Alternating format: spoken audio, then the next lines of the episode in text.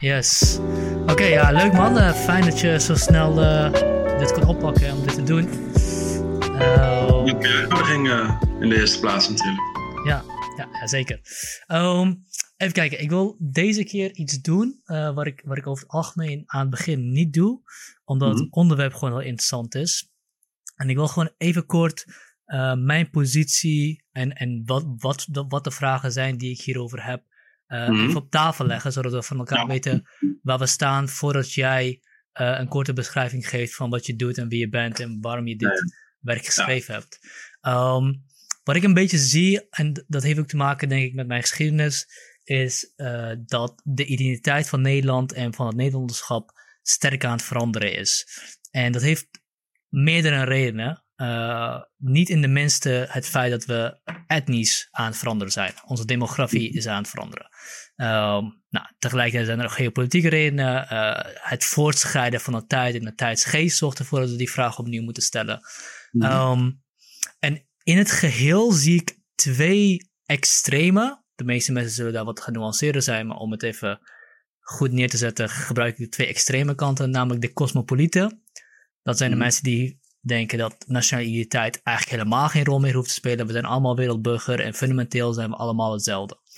Uh, ik denk dat die één belangrijk ding vergeten, namelijk dat het echt, uh, dat identiteit, en of dat nationaal of etnisch of iets anders is, enorm belangrijk is voor, is voor hoe mensen zichzelf identificeren.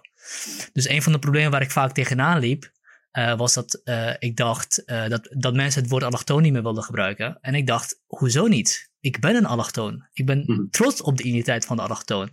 Ehm, dus ik wil juist niet gerekend worden tot zomaar een, nog een Nederlander. Ik, wil, ik, -hmm. ik ben die ander.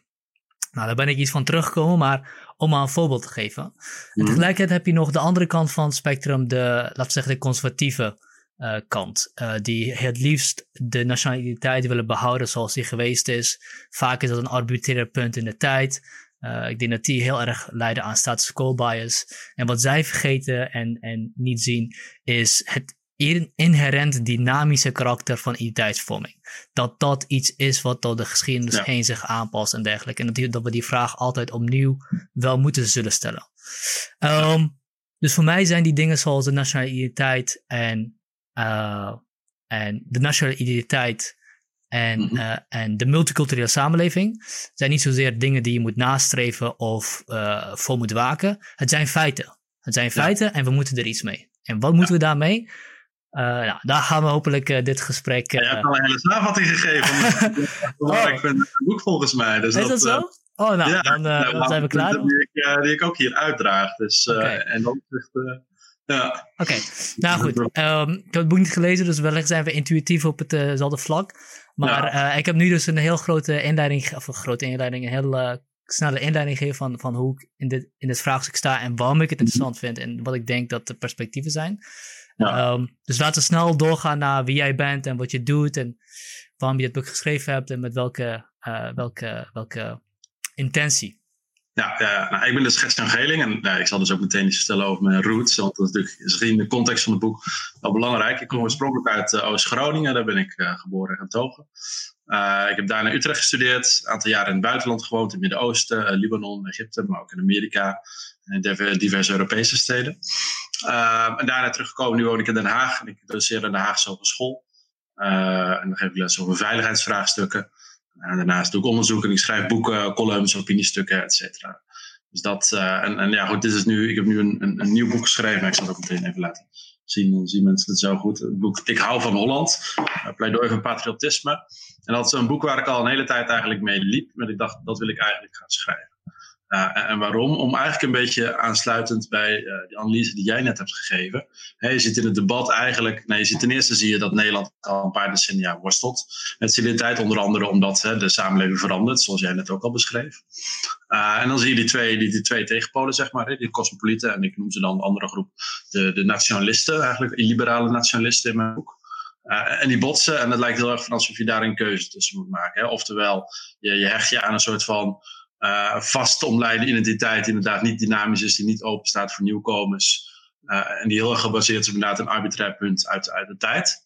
En die ook echt best wel etnisch georiënteerd is natuurlijk. Hè, van wie is de Nederlander? Ja, dat zijn de zogenaamde de echte, echte Nederlanders, zeg maar.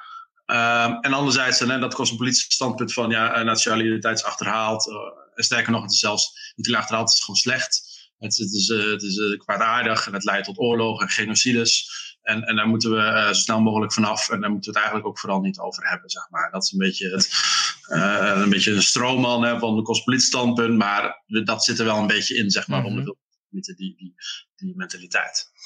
Uh, en toen dacht ik, ja, maar is dat wel zo eigenlijk? Is het wel zo zwart-wit als het gaat om, om dat vraagstuk nationalisme? Of zijn we op een gegeven moment daar eenmaal zo gaan denken, ook door de ontwikkelingen die Nederland heeft doorgemaakt, de Tweede Wereldoorlog, uh, andere aspecten zeg maar, die ons denken over nationale identiteit en nationalisme sterk gekleurd uh, hebben? En toen ben ik me er eigenlijk in gaan verdiepen. Uh, ook omdat ik, nou, ik, had, ik zei dus net, ik heb een aantal jaar in het buitenland gewoond. Um, en daar kom je toch achter dat je in één keer dat je gewoon heel erg dat je Nederlander bent. En dan, dan merk je ook direct van wie is Nederlander en wie niet. En, dan zie je ook, en, hoe merk je dat dan? Hoe valt het je nou ja, dat, dat, dat, is gewoon iets als je daar, als je ergens zit en, en je komt andere Nederlands tegen, dan heb je direct een connectie. Dan maak je direct een praatje. Mm -hmm. Of dan vertel je iets over wie je bent, waar je vandaan komt. Uh, dat doe je niet hier met vreemde mensen.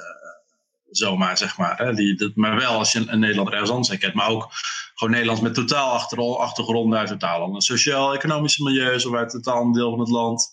Uh, waar je plotseling toch een band mee hebt die je normaal gesproken niet zou hebben als, als je hier gewoon in Nederland zou zitten. Maar plotseling ben je Nederlanders onderling ergens anders. Hè? En, dan, dan, dan, en dan zie je het verschil en dan zie je ook direct de overeenkomsten wat je samen deelt. Um, en die ervaring had ik dus vaak gehad. En toen werd ik me alleen maar bewust natuurlijk van, hè, van mijn eigen Nederlandschap en nationale identiteit, et cetera. En ik ben me daar in de loop der jaren in gaan verdiepen. En toen dacht ik, ja, als je naar de filosofie kijkt, hè, waar we zo nog even verder over doorgaan natuurlijk, dan zie je dat, dat het denken over nationalisme helemaal niet zo zwart-wit is. Hè. Er zijn veel filosofen die een veel genuanceerder standpunt uh, innemen in die discussie. En een aantal van die filosofen, uh, die voer ik op. Hè. Iemand als bijvoorbeeld een, een Marta Nussbaum, die speelt een belangrijke rol in mijn boek. Ja. En dat is eigenlijk een soort van bekeerling als het gaat om patriotisme, omdat hij daar eerst heel veel tegen was. Omdat zij toen net dat die kostpolitische klasse behoorde, die dacht dat was slecht. Maar gaandeweg daar echt, echt de voordelen van is gaan zien. En nu eigenlijk in een van haar boeken, Politieke Emoties, uh, juist pleit voor patriotisme ook. Hè. Van, daar is een heel hoofdstuk aan gewijd. Te zeggen dat is heel belangrijk. kan heel belangrijk zijn voor de samenleving, mits het op de juiste manier uh, wordt ingevuld. Mm -hmm.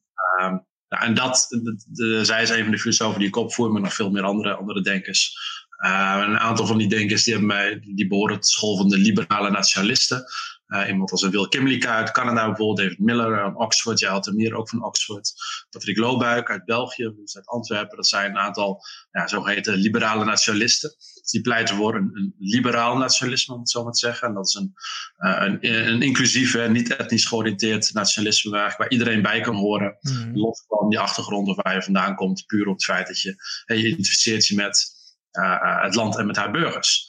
En dat is ook een nationalisme wat dus dynamisch is, hè, wat, wat uh, verandering eigenlijk uh, voorstaat, of dus daarvoor open staat en dat soms ook omhelst. Uh, maar tegelijkertijd wel het belang van, van die identiteit benadrukt. Voor mensen, hè. En dat belang is ook van de erkenning daarvan en het uitdragen daarvan.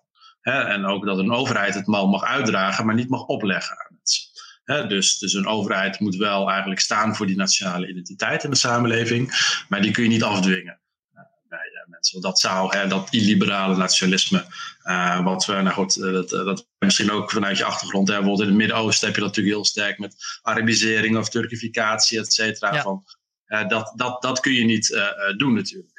Hè, maar tegelijkertijd mag je wel staan voor je nationale cultuur en zeggen: dit is, dit is de cultuur. Aan de andere kant, die cultuur verandert ook. En dan zal het heel subtiel van, van wanneer uh, ga je daarin mee, wanneer niet? Hè? Dat, dat, dat blijft altijd een uitdaging. Dat is altijd een worsteling voor een samenleving. Dat is ook heel normaal. Uh, daar moet je niet te conservatief in staan. Maar je moet ook niet te makkelijk zeggen: oké, okay, maar weg daarmee, zeg maar. Weg, weg met al het bestaan. Dus het is een beetje een balans zoeken tussen traditie en vernieuwing, eigenlijk daarin, als het gaat om, om nationale identiteit. Mm-hmm. Ja, goed, dat liberale nationalisme probeer je daar een beetje een, een, een balans in, in, in, te vinden. Ja.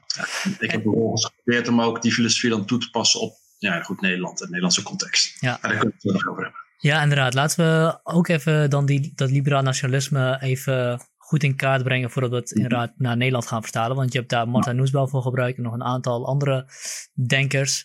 Um, En je hebt net wat, wat, uh, ja, uh, ja, wat, wat flarden losgelaten over, mm. over het liberaal nationalisme. Ik denk het belangrijkste wat je vertelde was dat je in het liberaal nationalisme erkent dat je een dynamische vorm van identiteit mm. hebt, maar wel dus een identiteit hebt. Ja, en daar de balans tussen moet zoeken. Wat houdt dat in? Want uh, ik denk dat geen enkele nationalist zal zeggen dat de balans niet belangrijk is. Maar dat een etno-nationalist daar die balans op een heel andere manier ziet. Uh, die ziet elke nieuwkomer als een, uh, als een uh, omverwerping van het balans, laat ik het zo zeggen. Ja. Ja, dus dus hoe, hoe, wat is het verschil daarin? Ja, goed, die uitersten zijn dus duidelijk. Hè? Dat het nationalist die eigenlijk überhaupt tegen nieuwkomers, tegen verandering is. En, en nou goed, die, die, die cosmopoliet die die, die dat allemaal eh, prima vindt. Hmm. En die ook prima vindt als die identiteit eigenlijk een beetje uh, grotendeels verdwijnt. Hè? Want dat is toch iets achterhaald. Ze moeten toen naar een nieuwe, grotere, al dan niet Europese of wat dan ook identiteit. Um, een liberale nationalist, uh, die zou zeggen ja, maar dat etnisch nationalisme, dat is problematisch, omdat dat staat natuurlijk niet open voor die verandering, voor nieuwkomers. En dat cosmopolitisme is problematisch, omdat dat niet erkent dat voor heel veel mensen die identiteit er wel toe doet. Sterker nog, identiteit kan een hele nuttige functie vervullen, ook in een diverse multiculturele samenleving. Het kan juist mensen bijeenbrengen, uh, eigenlijk in een, een, verbinden, om het zo maar te zeggen, zo'n zo buzzword.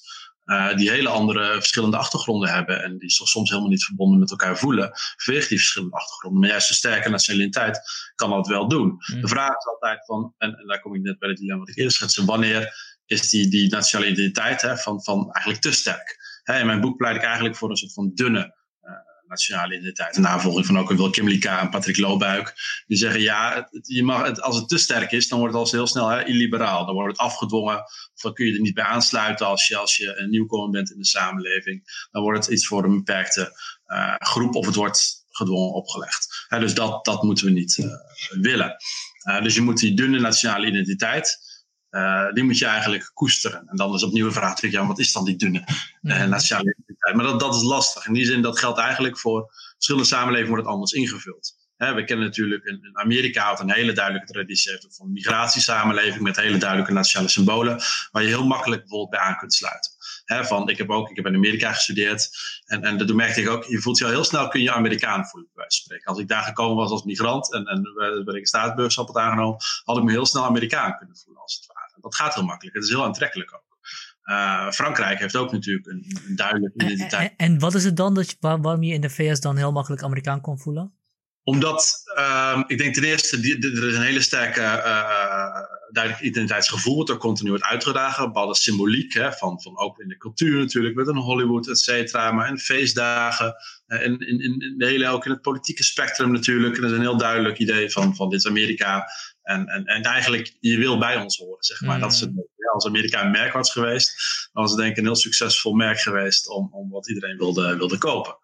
Uh, omdat het zichzelf zo aantrekkelijk maakt. Ja. Uh, los van alle problemen met de Amerikaanse samenleving, hè, maar het Amerikaan zijn, dat, dat is heel erg ja. uh, aantrekkelijk. Wat, wat, ik, wat, wat je een beetje lijkt te zeggen, is dat zij wel een heel sterke identiteit hebben, maar ook tegelijkertijd heel openstaan voor ja, dat, dat is het nieuwe leden.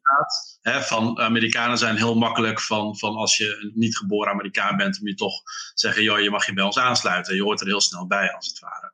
Hè, dus dat uh, zelfs een Trump, die heeft nooit echt heel erg openlijk gespeculeerd bijvoorbeeld over het afnemen van staatsburgerschap van gevestigde uh, groepen in de samenleving. Iets wat je natuurlijk wel in de Nederlandse context uh, nog regelmatig terug wordt. Niet alleen bij Wilders, hè, maar zelfs bij Rutte hè, met uitspraken als bijvoorbeeld pleur op.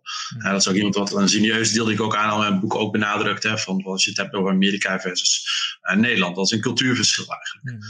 Mm. dus dat, dat, dat zegt ook iets over het, over het idee van, van, van burgerschap en van nationaliteit dat men daar heeft. Nou, dat is een voorbeeld uh, ik zeg niet dat, dat we dat exact na moeten volgen. Dat kan ook niet, hè, want ik betoog ook van uiteindelijk wordt dat in elke context anders vormgegeven.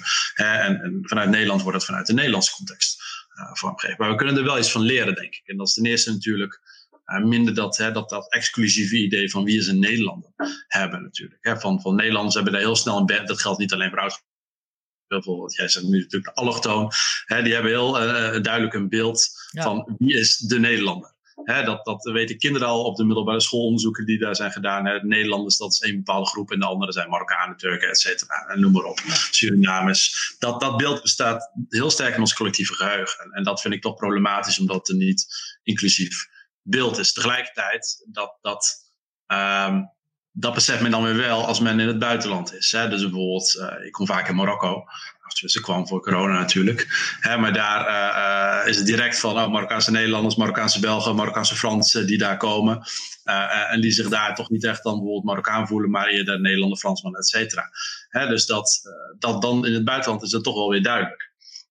maar in Nederland hebben we onvoldoende, denk ik, dat dat inclusieve idee van zeg maar Nederlanderschap en die brede opvatting van wie behoort tot de natie. we hebben natuurlijk heel lang een, een, integratiedebat gevoerd, eigenlijk nog steeds hebben we het erover. En, en, dat is natuurlijk heel lastig van, van wanneer is de vraag, wanneer houdt integratie op? Of wie mm. moet er überhaupt integreren? Ik pleit eigenlijk in mijn boek voor dat we het niet over integratie moeten hebben, geen integratiedebat, maar een identificatiedebat. dus over identificatie. Identificatie met wie identificeert zich met Nederland en met de Nederlanders. En als je dat doet voor mij, dan hoor je er wat mij betreft gewoon bij. En dan vind ik dat we eigenlijk allemaal dat als samenleving moeten erkennen. Hè, van oké, als je er niet bij behoort, ook prima. Ik heb ook vrienden die zeggen, ja, maar ik voel me helemaal geen Nederland. Dat, kan. Hè, van, dat kun je niet afdwingen bij mensen. Dus, dus als je dat niet voelt, ja, dan, uh, dan is dat ook prima. Ja. Uh, maar in principe wel iets wat ik wel belangrijk vind. Hè, van dat Nederlanders ja, zichzelf ook identificeren als Nederlands. Althans, iedereen die natuurlijk een, ook een Nederlands staatsburgerschap heeft. Ja.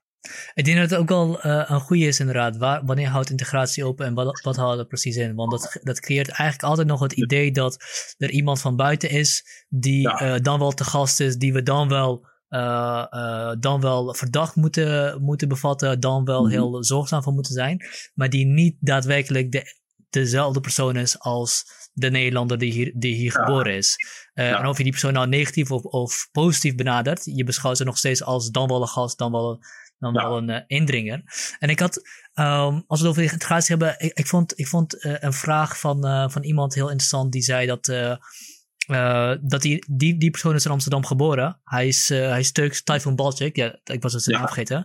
Hij is Turks, hij is in Amsterdam geboren. Uh, mm -hmm. en, en, hij vraagt zich af, ja, waar, waar moet ik dan in integreren? Ik ben al geboren in, in Amsterdam.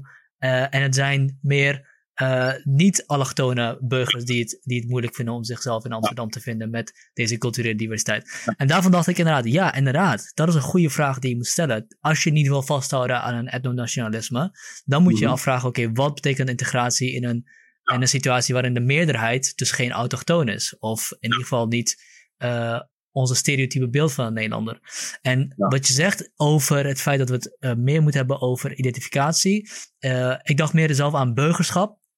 Maar mhm. identificatie, burgerschap, denk ik allebei hetzelfde. Maar het idee dat integratie of het uh, je onderdeel voelen van, uh, van de maatschappij niet mm. exclusief een probleem is wat, uh, wat we moeten identificeren bij allochtonen, maar ook iets is of een project is die we moeten zien bij, bij autochtonen. Ik denk dat dat heel belangrijk is. Want op dit moment zou ik zeggen dat, dat ja, het grootste gevaar voor de, voor de rechtsstaat komt op dit moment niet zozeer van, uh, van nieuwkomers of van allochtonen. Mm -hmm. uh, Even mijn idee. Dus, ja. um, dus ik denk dat we inderdaad veel meer moeten gaan kijken naar burgerschap of identificatie met die nationale identiteit die dan op een bepaalde manier vorm moet gegeven worden.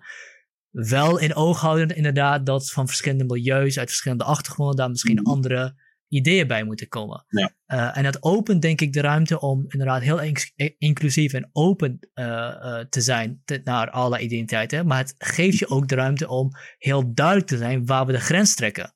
Ja. ondemocratische, onrechtstatelijke opvoedingen, dat hoeven we niet te accepteren. want iedereen valt onder dezelfde regels. Ja, Nee, ik kan je, ik kan je uh, voor een deel inderdaad daarin volgen. Alleen uh, het punt is denk ik, je hebt burgerschap inderdaad waar je net over spreekt. Mm. Dat is meer hoe je daar invulling aan geeft. Hoe stel je op als burger in de samenleving ten aanzien van andere burgers. En democratie en de rechtsstaat, en dat is zeker belangrijk. Maar dat gaat om waarde eigenlijk, invulling aan waarde. In mijn boek schets kijk dat er nog iets anders belangrijk is voor de samenleving, namelijk die gezamenlijke identiteit.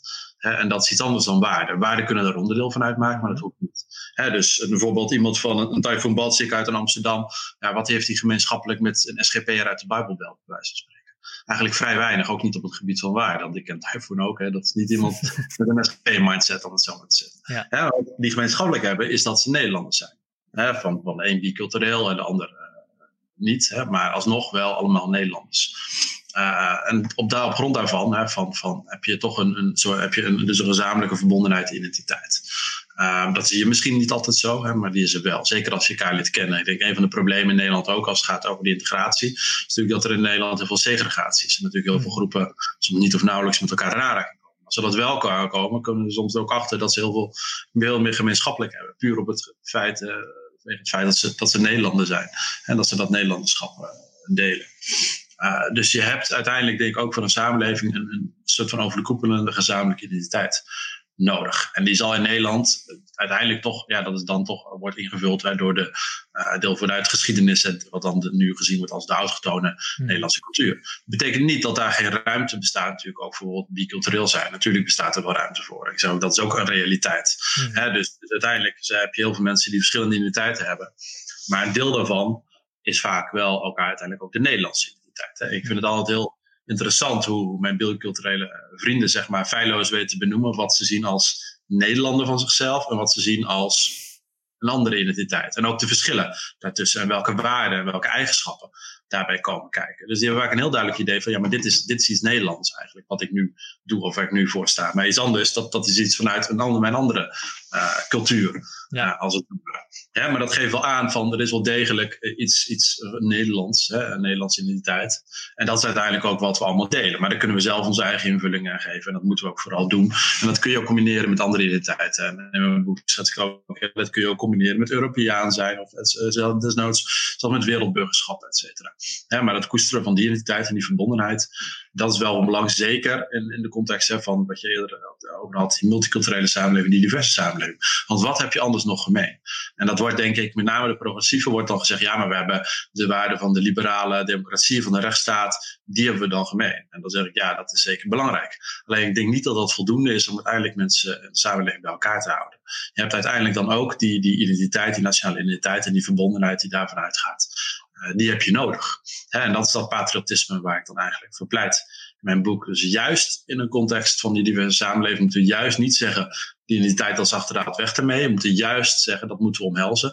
Dat moeten we koesteren, dat moeten we uitdragen. Maar wel op een manier hè, dat iedereen zich daarbij aan kan sluiten. Hè. Dus die identificatie waar ik het dus dan over heb. En dan moeten we dus ook af van het hele integratiedebat, want dat roept alleen maar verwarring op. Inderdaad, wie moet er integreren? Ja, dat kun je niet vragen van een, een zoveelste generatie uh, Nederlander met een migratieachtergrond. Maar dat kun je ook niet vragen van een autochtone Nederlander. Hè, van, die denkt, ja, waarom moet ik er godsnaam integreren? Want precies hetzelfde idee krijg je dan van, ja, maar we zijn toch allemaal hier geboren, getogen, zijn Nederlanders.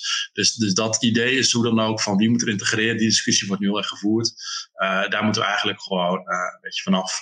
En dan moet het gaan over de identificatie. En hoe kunnen we dat promoten? En dat het zorgelijk is dat er ook groepen zijn, inderdaad, die soms al generaties in Nederland wonen, maar die zich soms niet of nauwelijks met Nederlands interesseren. Je had een Typhoon Baltica, nou dat is iemand die zichzelf duidelijk als Nederlander ook ziet, naast Turk. Hè, maar juist in Turkse hoek heb je ook een behoorlijke groep die zichzelf eigenlijk helemaal niet als Nederlander ziet. En die soms al hè, via de grootouders of overgrootouders hier naartoe zijn gekomen. Ja. ja dus dat is een, een, ook een probleem. Naast het feit dat, natuurlijk dat er een hele grote groep is die nog steeds hè, maar een heel uh, beperkt begrip heeft van, van wie is de Nederlander en wie hoort daarbij.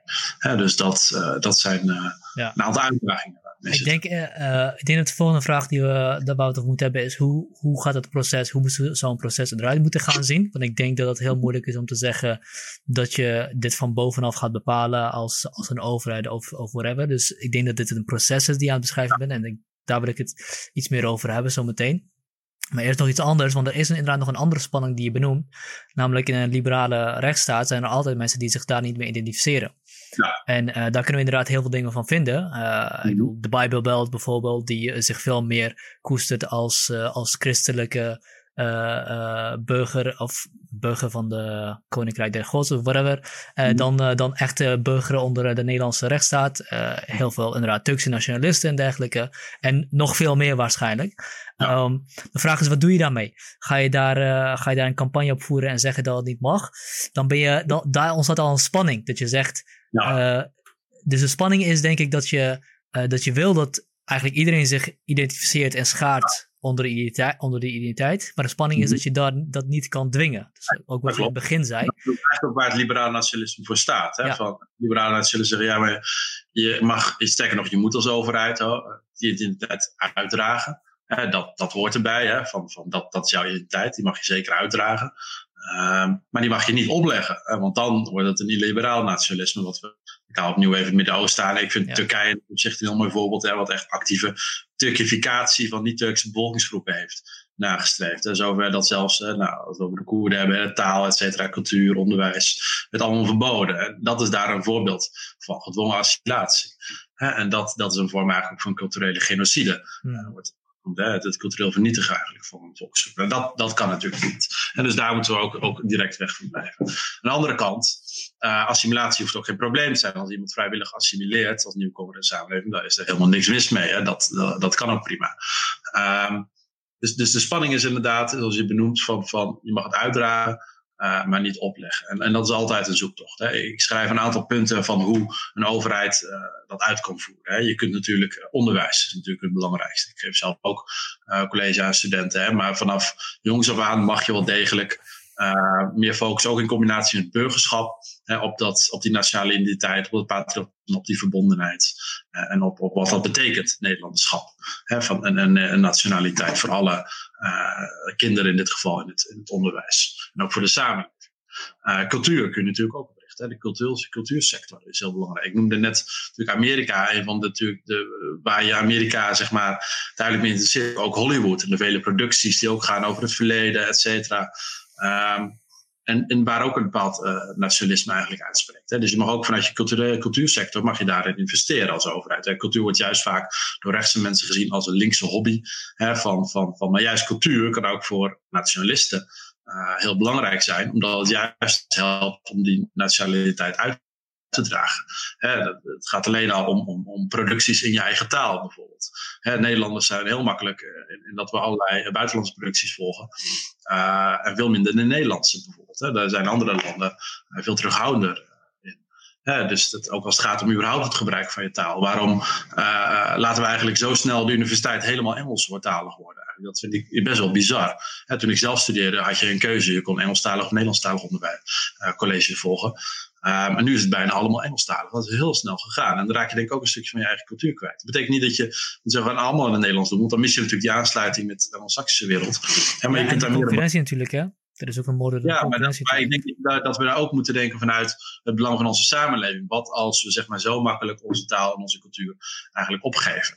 Hè? En dat, dat, dat, ik denk dat dat te snel uh, gaat in dat, in dat verband. Daar moeten we denk ik meer terughoudend uh, in zijn. Want je, je raakt ook een, een stuk discussie en ook vanuit je eigen uh, taal en context raak je kwijt als je plotseling het moet hebben over de Nederlandse samenleving en je moet het in het Engels doen.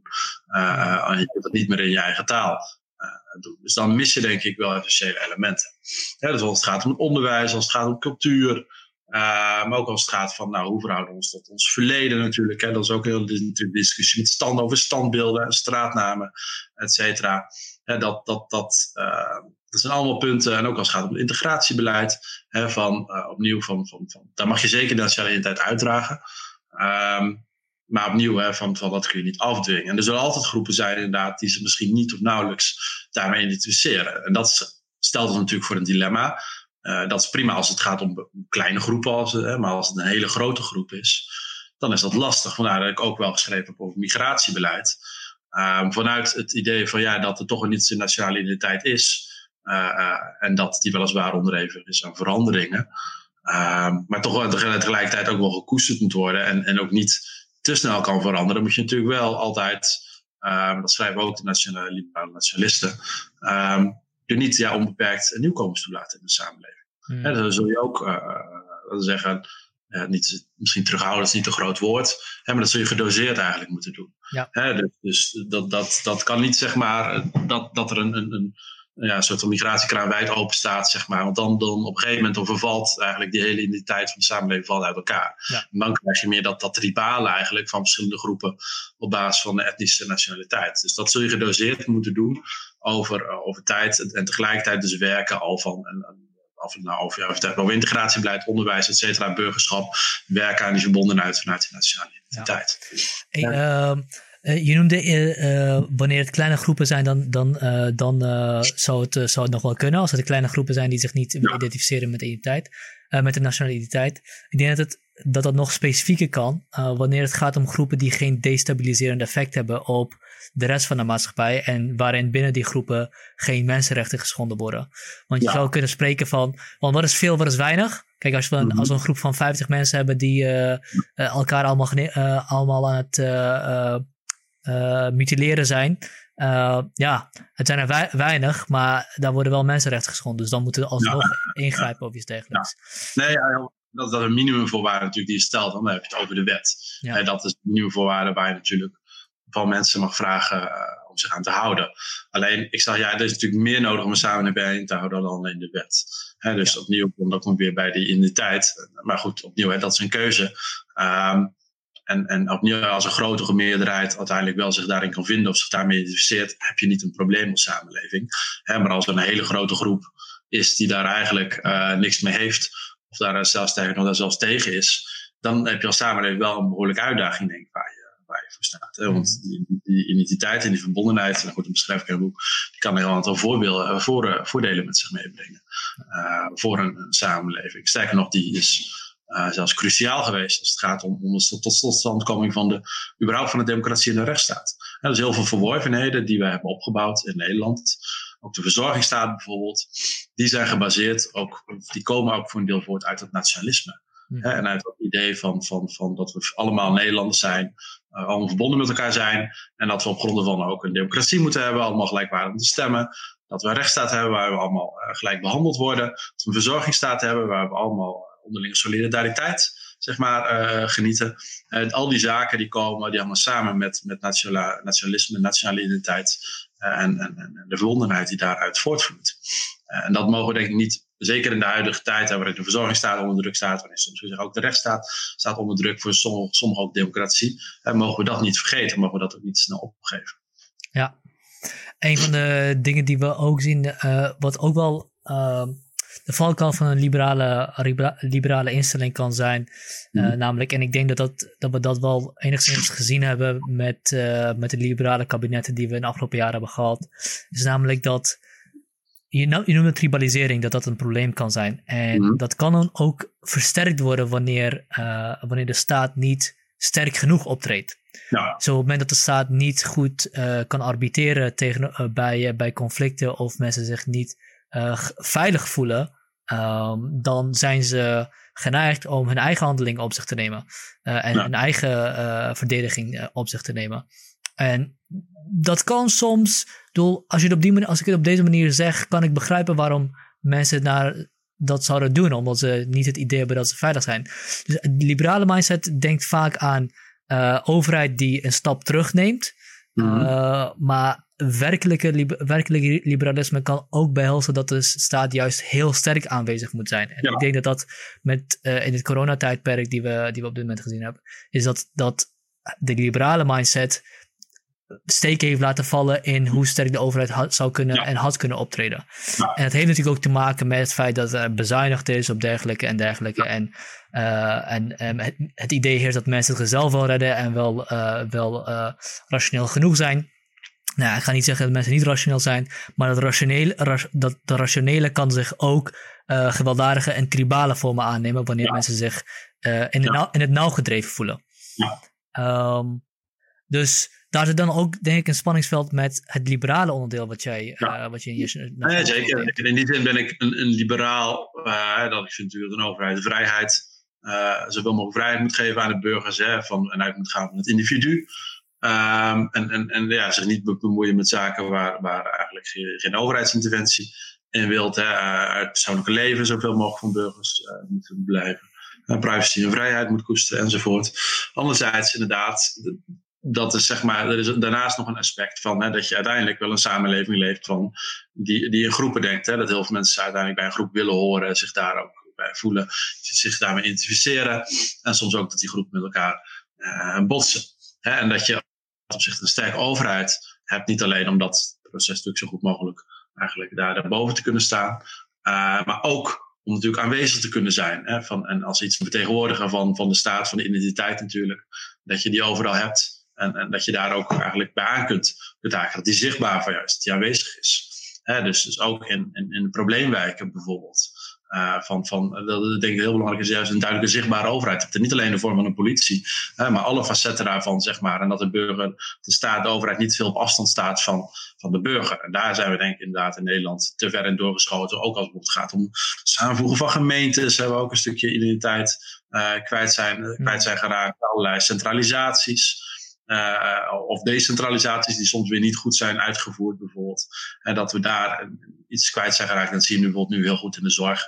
Van, van, van wat, wat natuurlijk met corona met zich uh, meebrengt. Die uitdaging kunnen wij eigenlijk in Nederland onvoldoende aan. En de buurlanden uh, soms veel beter. dus dat hebben we denk ik niet goed aangepakt. En dat is inderdaad dat is een, een, een fout van het, laten we zeggen, van het liberale uh, denken in het verleden geweest. Wat te veel natuurlijk vanuit de markt is vertrokken en te weinig vanuit het belang van de overheid uh, voor de burger en voor de samenleving, wat de overheid kan betekenen.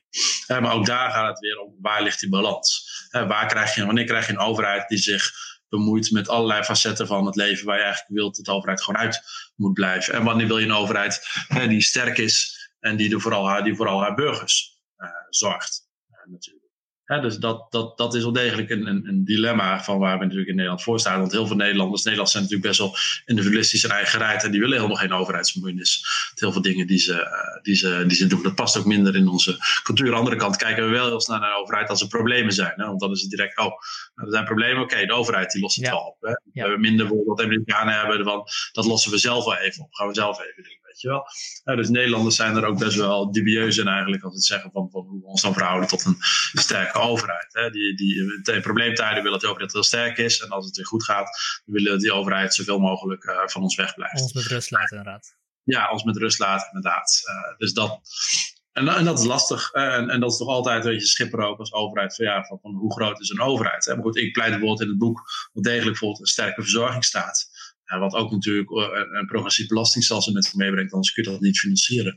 Um, omdat juist die, die verzorgingsstaat zo belangrijk is. Dus het gaat om, om die, die, die solidariteit, zeg maar. Hè. En, maar ook dat, een, uh, dat, dat mensen de overheid zien, zeg maar. Hè, van, van waar voel je mee verbonden. Uiteindelijk de overheid ook waar, waar, waar die, uh, die belasting heft, zeg maar. Of die uh, uitkeringen start, bij wijze van spreken. Ja. Dat, is dat is dan de overheid.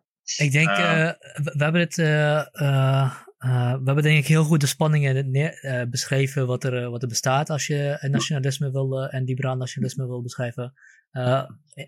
hoeveel aandacht in jouw werk is, is vrijgemaakt, in je boek vrijgemaakt, om het te hebben over en handvatten te, te, bieden voor zowel de burgermaatschappij als de overheid om met die spanning om te kunnen gaan. En inderdaad een identiteit te scheppen die zowel liberaal als nationalistisch als inclusief is. Ja, nou, daar gaat eigenlijk een groot deel van het boek over. Hè. Het eerste deel van het boek gaat over naar de probleemanalyse. Wat, wat zien we? Hè? De opkomst van uh, wat ik dan noem het illiberale nationalisme, hè, radicaal rechts. Zoals vanuit de wetenschap ook wordt gezegd. Hè, van, en dan goed, nou, wat, wat is dan de tegenhanger waar ik voor pleit? Liberaal nationalisme, waar we het net over hebben gehad. En dan ga ik eigenlijk toe naar wat zijn nou de voordelen, voor, voordelen daarvan. En, en uiteindelijk ga ik dan kijken naar de Nederlandse samenleving van welke worstelingen maakt de Nederlandse samenleving door. Um, en hoe kan dat liberale nationalisme en het patriotisme, uh, kan daar een, een, uitkomst voor bieden voor omgaan met die spanningen. En ik identificeer eigenlijk drie worstelingen. Kun je, voordat je in, in, over dat onderwerp doorgaat, kun je uitleggen waarom je het woord patriotisme uh, gekozen hebt? Want dat heeft ja. bij mij de connotatie namelijk juist een heel rechtsnationalisme. Ja, dat, nou ja dat, dat geldt, maar dat geldt natuurlijk heel veel termen hiermee. En dat is natuurlijk een beetje het probleem, zeg maar. Zodra we het over liberale, over nationalisme, patriotisme hebben, dan denken we uit aan een beetje extreem rechts. Ja. Van, ik zeg steeds ook in het boek van dat is eigenlijk een beetje gekaapt. En dat moeten we eigenlijk als, als liberalen moeten we dat ook terugkapen. Of als progressieve moet dat teruggekaapt worden van extreem rechts. En waarom? Omdat, nou goed, daar hebben we het net over gehad, omdat er heel veel voordelen aan kunnen, kunnen zitten. Okay. Maar het heeft inderdaad een beetje een, een negatieve klank. Aan de andere kant, um, vanuit de filosofie natuurlijk wordt patriotisme wordt dus ingevuld een beetje als het liberale uh, nationalisme. En dat onderscheid wordt dus gemaakt tussen uh, eigenlijk uh, nationalisme wat dus meer etnisch is en patriotisme wat meer vanuit waarden en, en, die gezamenlijke verbondenheid eigenlijk vertrekt. En dat, dat, dat gaat eigenlijk van, dat is een, een, niet hele extreme vorm eigenlijk van nationalisme, dus die meer liberale vorm van nationalisme, dat is patriotisme. Ik begin ook in het boek uh, direct al in de inleiding met, met uh, een, een uh, speech die Macron gaf een aantal jaren terug, waar ook Donald Trump aanwezig was. En uh, zeg maar, ik zal even voorlezen. Patriotisme, vaderlandsliefde is precies het tegenovergestelde van nationalisme. Zo sprak de Franse president Macron tijdens zijn toespraak bij de herdenking van de Eerste Wereldoorlog eind 2018. Wie nationalisme predikt, pleegt verraad aan de vaderlandsliefde. Nou dat, dat was om even om het onderscheid tussen hem duidelijk te maken als zeg maar patriot vanuit de Franse traditie en Trump die, ja, die liberaal nationalisme natuurlijk uh, voorstaat. Die vaderlandsliefde uiteindelijk, ja goed, gaat het liefst voor het vaderland en voor je burgers, je medeburgers. Um, en dat is het ook. Hè, van, van, en dat kun je heel breed natuurlijk opvatten en invullen. Hè, dus, dus daarom dat, dat ook pleidooi voor patriotisme. Uh, en niet voor een, laten we zeggen, een, een, uh, een klassieke nationalisme. Maar Nederlanders toch niet al zo happig op waren. Want als je ook de geschiedenis bijvoorbeeld in teruggaat. Het nationalisme van Duitsland bijvoorbeeld. Hè, van dat, dat, dat vonden Nederlanders altijd al een beetje uh, extreem, zeg maar. Hmm. dus Nederland is altijd überhaupt natuurlijk vaak minder nationalistisch geweest dan, dan veel omringende landen. Um, maar tegelijkertijd hebben we wel een eigen nationalisme. En ik noem dat een beetje verborgen nationalisme, verborgen patriotisme. Dat zit wel in Nederland, alleen we laten het lang niet altijd naar buiten komen. Denk aan bijvoorbeeld aan het vlagvertoon. de Nederlandse vlag, ja, dat mag je alleen op bepaalde momenten eigenlijk doen natuurlijk. Hè, want anders dan is het toch een beetje raar. En wie doet het dan? Ja, extreem rechts doet dat. Hè. Die, die lopen altijd met een vlag te zwaaien. Hè. We zien met name rondom nationale feestdagen, april, mei, dan zien we dat in één keer toch dat heel erg sterk naar buiten komt. Hè. Dan, dan gaat ook het debat heel erg over, over nationaliteit, over nationalisme en de natie.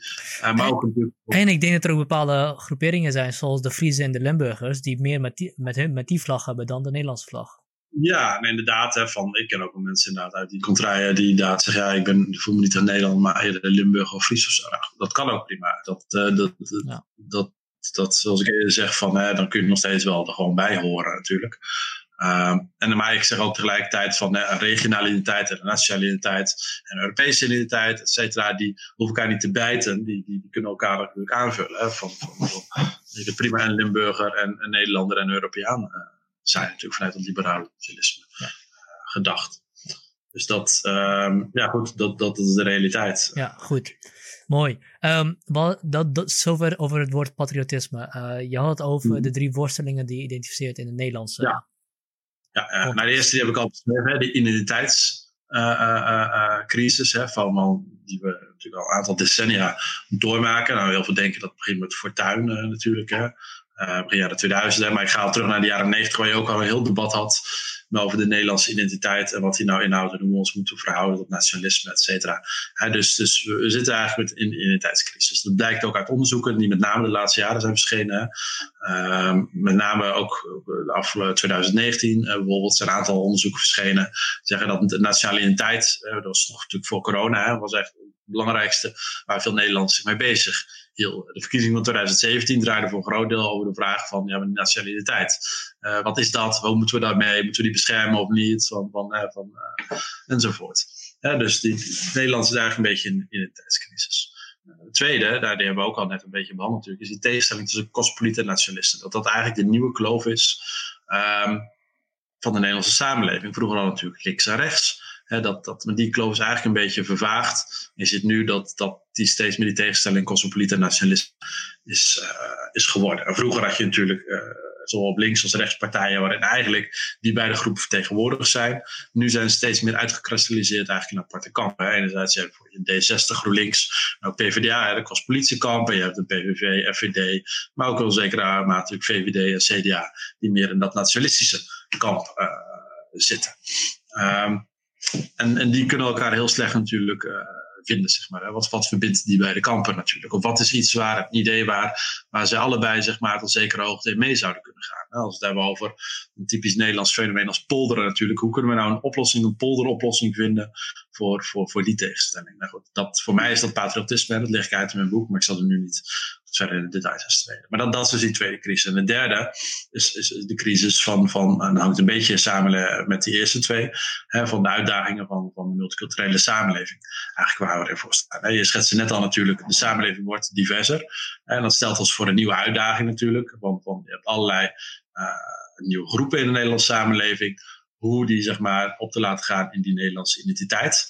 En ervoor te zorgen eigenlijk dat die verschillende groepen uh, vervolgens niet met elkaar botsen Van dat er geen sociale spanningen ontstaan tussen bevolkingsgroepen. Of nog erger uiteindelijk gewoon ja, etnisch tribalisme of wat dan ook. Hè. Groepen die, die, die echt conflicten uit elkaar uit gaan vechten, et cetera. dus dat is een, een, een derde uitdaging waar we voor mij als gevoel samen voor staan. En ook daar zie ik dat, dus dat patriotisme als iets van, oké, dat kan een gezamenlijke identiteit bieden. Wat zeg maar dat, dat voor kan voorkomen dat we een soort van tribale sentimenten vervallen met, met groepen die alleen maar tegenover elkaar staan. Hmm. Dus dat is even in het kort de, de drie eigenlijk crisis uh, die, ik, uh, die ik onderscheid. En dat zijn al drie crises op cultureel niveau. Hè. Dus ik ga niet in op allerlei sociaal-economische aspecten, daar ben ik ook minder in thuis. Hè, maar ik benader het vooral vanuit eigenlijk, uh, laten we zeggen, sociaal-culturele ehm, ja, goed, de, kwesties die spelen in onze ja. samenleving. Dat is denk ik ook een überhaupt een interessante vraag om te stellen. In hoeverre zijn deze culturele, ja, deze culturele crisis waar, die je beschrijft, ehm, ook het gevolg van culturele problemen of meer een gevolg van iets wat daar van de, iets onder ligt, wellicht economische problemen. Ja. Ik bedoel, dat idee hebben we natuurlijk ook bes, uh, zien beschreven worden, ook in de vorige verkiezingen. GroenLinks was daar een uh, sterke uh, proponent in, die eigenlijk alle culturele verschillen wilde reduceren tot economische verschillen. Ja. En uh, de woordkeuze die ik nu gebruik uh, verhult misschien al een beetje wat ik, wat ik daarover denk. ik denk wel dat daar fundamenteel wel iets economisch aan te grondslag ligt. Maar ik denk niet dat ze tot elkaar te reduceren zijn. Mm. Ik denk dat je wel veel kan wegwerken als, als die economische problemen ook weggewerkt worden. de vraag is, kun je die wegwerken? Maar goed, dat is denk ik een andere tak van sport dan we, dan we hier in het gesprek aan het zijn. Ja, ik denk dat het altijd natuurlijk hand in hand gaat natuurlijk. Hè, van, van opnieuw, hè, van, uh, als je niet die sociaal-economische basis hebt, ja goed, dat is natuurlijk vaak de basis voor veel mensen. Dus dat moet goed zijn. En daar hebben we denk ik ook natuurlijk steken laten vallen in, in, in, Nederland. En dat zien we nu ook, ook in de huidige tijd eh, weer, weer heel sterk terug. Dus daar ben ik ook helemaal niet tegen. Maar ik, ik ben alleen, ik deel niet de analyse. En dat is wat ik name nu, name in liberale hoek zie. Heel veel mensen zeggen, ja, dat liberalisme is daarin te ver doorgeschoten. Hè, te veel... Uh, ja, denk vanuit economisch zelfstandig functioneren. Het individu hè, van, van overheid moet mensen toch meer tegemoet komen. Weer eigenlijk mensen voor mensen gaan zorgen. Ja, daar ben ik het helemaal mee eens. Alleen dat, dat kan niet losgezien worden ook van die culturele aspecten. Nou denk ik in liberale hoek op dit moment nog te weinig zelfcorrectie toegepast. En dat bedoel ik met name de meer progressief liberale. Uh, ook niet bij de VVD bijvoorbeeld, was we vandaag die partij Liberalen zijn, maar daar uh, uh, zijn ze daar natuurlijk wel heel erg mee bezig met die culturele kwesties. Maar meer de progressief liberale kostpolitiehoek onvoldoende te, denk ik, tot nu toe nagedacht over ja, maar hoe kunnen we een, correctie toepassen op dat liberalisme als het gaat om uh, een houding ten aanzien van belang van die culturele kwesties. Ja. Van, en daarin aan grote groepen burgers tegemoet komen die zich daar eigenlijk de afgelopen decennia, om even in de woorden van de partij te spreken, verweest uh, door, zijn, uh, door zijn geraakt. Ja, wat, wat moet de politiek doen met deze crisis? Ja. Of, of is dit boek niet zozeer gericht aan politici, maar meer aan de maatschappij? Nee, ja, natuurlijk voor een hele brede groep. Hè, maar um, kijk, het, feit al dat natuurlijk de laatste jaren, nog voor, voor corona, was het het thema. Hè, van, en het gaf ook aan van ja, politie moeten dat. Maar het gekke is, op het moment dat politici er wat meer doen, dan komt er niet zo heel veel uit. En dat maakt natuurlijk ten eerste dat iets lastigs is. Want, want, want ja, hoe, hoe, hoe, hoe ga je een kwestie als nationale identiteit? Dat is natuurlijk heel breed. Uh, het is ook iets wat, wat, natuurlijk een, iets wat over eeuwen tot, uh, tot stand is gekomen. Uh, waar enorm veel aspecten aan vastzitten. Daar kun je niet zo makkelijk heel duidelijk beleid op formuleren natuurlijk. Hè. Daar kun je niet met een paar voorstellen weten niet uit. Dus dat is een eerste het probleem daarvan.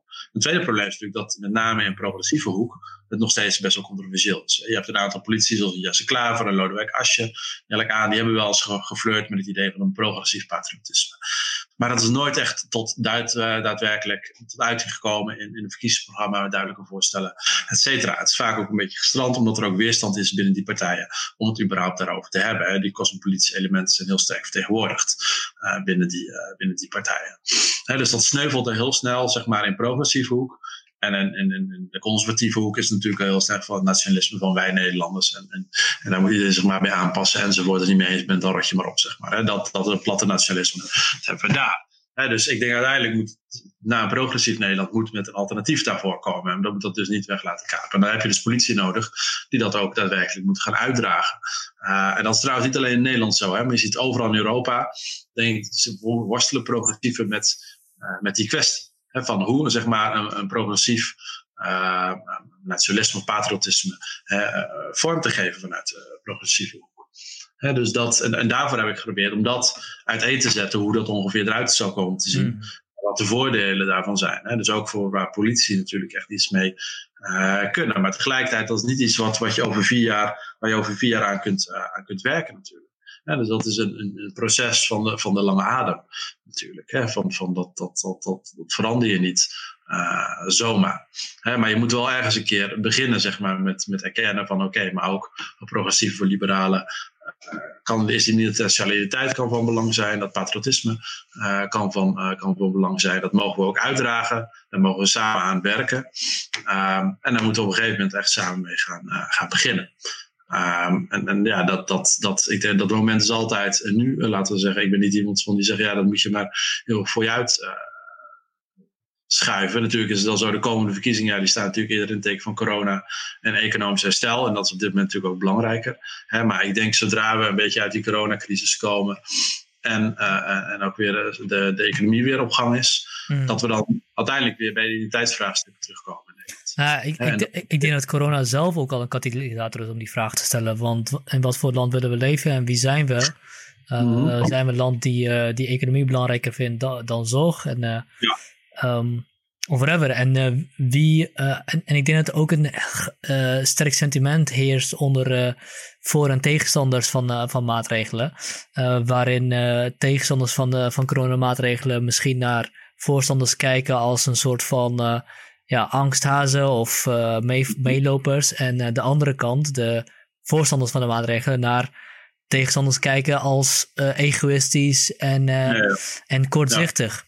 En ja, die strijd en die conflict wat er heerst, dat, dat, dat kan voedingsgrond zijn voor echt iets goeds. Wanneer dat, ja, laten we zeggen, als je dat in een, eh, in een debat of in een, uh, in een nationale uh, discussie zou, zou verwerken met een, met, een, met een mooi proces, zou dat iets moois kunnen worden. Maar het kan ook inderdaad leiden tot, tot tweedeling.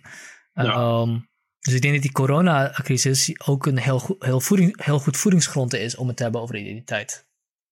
Ja, nou ja, dat geeft duidelijk voeding aan polarisatie. Maar ik denk wel dat dat, dat idee van voor dat loopt wel natuurlijk een beetje tussen verschillende, eh, laten zien, wel etnische groepen heen. Hè? Van die, die dimensie die we, eh, die we meer van etnische tegenstelling die we hebben gezien de afgelopen jaren, die zie je daar iets minder in terug natuurlijk.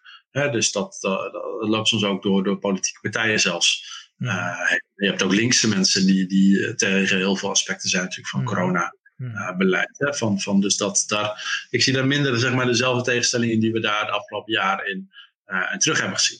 Uh, en sterker nog, juist van, van, van, ik denk zeker in de eerste maanden van die coronacrisis zag je natuurlijk juist heel erg die nationale verbondenheid opkomen als gevolg van corona. Hè. Dit moeten we samen doen. Hè, van, van dat idee. En daar zitten we allemaal samen in enzovoort.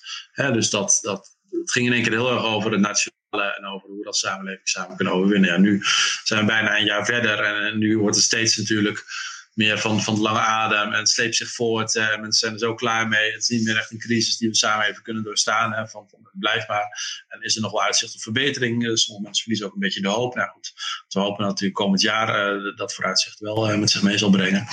Uh, dus gaat je, ja, je telefoon? Ja.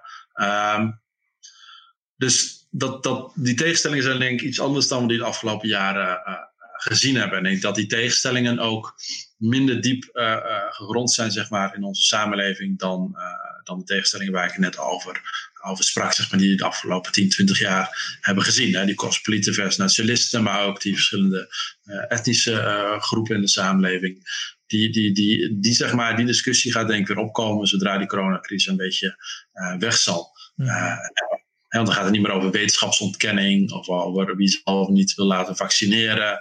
Of of je nou wel of niet je mondkapje over doet. Maar dan gaat het meer over wie je bent en waar je bij hoort. En, en, en wie is Nederlander en wie niet. Mhm. En dan kom je over een veel, denk ik, een veel fundamentelere discussie uh, weer, weer terecht. Die ook natuurlijk veel sterkere polarisatie met zich mee ja. uh, brengt in de samenleving. Ja. Uh, denk je dat we meer een volkslied moeten gaan zingen samen op school? Ja, en dat ik, ik vind het wel interessant, hè, want dat, ik haal wat aan. Hè. Uh, en op zich ben ik daar helemaal niet tegen of zo. Hè. Daar werd natuurlijk al een beetje als een CDA-voorstel bij de vorige verkiezingen ja, ja. een beetje grappig over gedaan. Hè. Maar goed, aan de andere kant, dat, dat, wat is er mis mee? Hè. Dus dat kun je ook afvragen natuurlijk. van, van wat, wat, wat ik, als je als kind elke dag volkslied moet zingen, zou ik een beetje overdreven vinden. Hè, maar dat, dat, dat heel veel kinderen natuurlijk van school gaan zonder dat ze het volkslied amper kennen, is natuurlijk ook een beetje raar. Ja, dus dat, uh, dat, dat, dat, ik ken trouwens ook alleen het eerste couplet hoor. Dus dat, uh, en ook voor, voor een groot deel. Uh, ah, nu, betrapt. eerste couplet, helemaal. dat, ga ik, dat ga ik mensen niet aandoen, dankjewel, sorry. Nee, maar ik, eh, voor een groot deel is het... Maar ga je gang, ga je gang, uh, Gert. Ook omdat ik uh, kijk naar voetbalwedstrijden van Nederland zelf, ja. waar ik voor wordt gespeeld. Dat zijn momenten dat ik... Ja, de dodenherdenking 4 mei. Ja, dus dat, ja, dat zijn momenten... Bedoel, de, in het, bij de WK en de EK, dan zijn we één land. Precies. Dan is er geen en, twijfel waarbij hoort dat laat voor mij ook in één keer zien van, ja, maar dan, dan zie je ook natuurlijk dat die verbondenheid heel belangrijk is van het nationale. Hè, van, van dat een nuttige functie kan. Uh, want zeker, we hebben dat nu natuurlijk een aantal jaren niet gehad, hè, maar al een aantal jaren teruggaan. Dus ik degenen die wat ouder zijn natuurlijk, die weten dat zijn echt momenten van nationale saamhorigheid, waarin onderlinge verschillen veel minder toe doen. Hè, dan zijn wij Nederlanders tegen de Fransen, of de Duitsers, of de Italianen, of, of, wat dan ook. Hè, dus dat, uh, dat, dat brengt iets moois met zich mee. Hè, maar goed, even terug naar jouw vraag van moeten we dat volkslied uh, zingen? Nou, ik, ik denk wel degelijk, we mogen daar best aandacht, natuurlijk meer aandacht aan besteden dan nu. Uh, maar dat kan alleen uh, samengaan als het ook ingebed is natuurlijk in, in, wat ik zeg, een brede burgerschapscurriculum. Hè, dus dat, dat, dat hangt met veel meer dingen samen. Het gaat niet alleen maar om symbolen. Mm. Het gaat niet alleen maar om de vlag, of om ja. standbeelden, of volkslied. maar ook om waarde de reden dat ik die vraag stel is omdat ik, uh, ik, ik, ik zie een beetje uh, in landen of in omgevingen waarin er wel een heel sterke etnische identiteit uh, heerst, dat daar mm. samen zingen een veel vo vaker voorkomend verschijnsel is dan, dan Nederlander. Waarom wij in Nederland mm. ook best wel ons snel schamen voor onze zangkwaliteiten, misschien terecht, misschien onterecht, en onze, ook onze danskwaliteiten, uh, is dat in sommige gebieden van de wereld veel meer een gezamenlijk iets. Je gaat gewoon samen even een liedje zingen en uh, je geschiedenis eren. En ja. ik begrijp heel goed waarom mensen de Wilhelmus niet willen zingen hoor. Ik, ik, ik hoef het ook niet te zingen. Maar uh, er gaat wel een bepaalde kracht uit vanuit, vanuit van het samen zingen en het samen synchroniseren. Ja. En tegelijkertijd zijn er ook, ja, ja, ik bedoel, er worden natuurlijk ook pogingen gedaan door artiesten en dergelijke om met zang een bepaalde uh, samenhorigheid te creëren. Maar daar geven we ook enorm op af. Tenminste, als ik uh, weer de BN'er zie in de, in de nationale uh, nummer schrijven over corona, dan denk ik echt van, oh, echt, dat vind ik echt beschamend. Maar, tegelijk, maar aan de andere kant moet ik wel erkennen dat inderdaad kunst, cultuur en zang en dergelijke ja. Um, de, de misschien geen betere vormen van, van, uh, van identiteitsvorming zijn dan uh, sport, cultuur en dergelijke.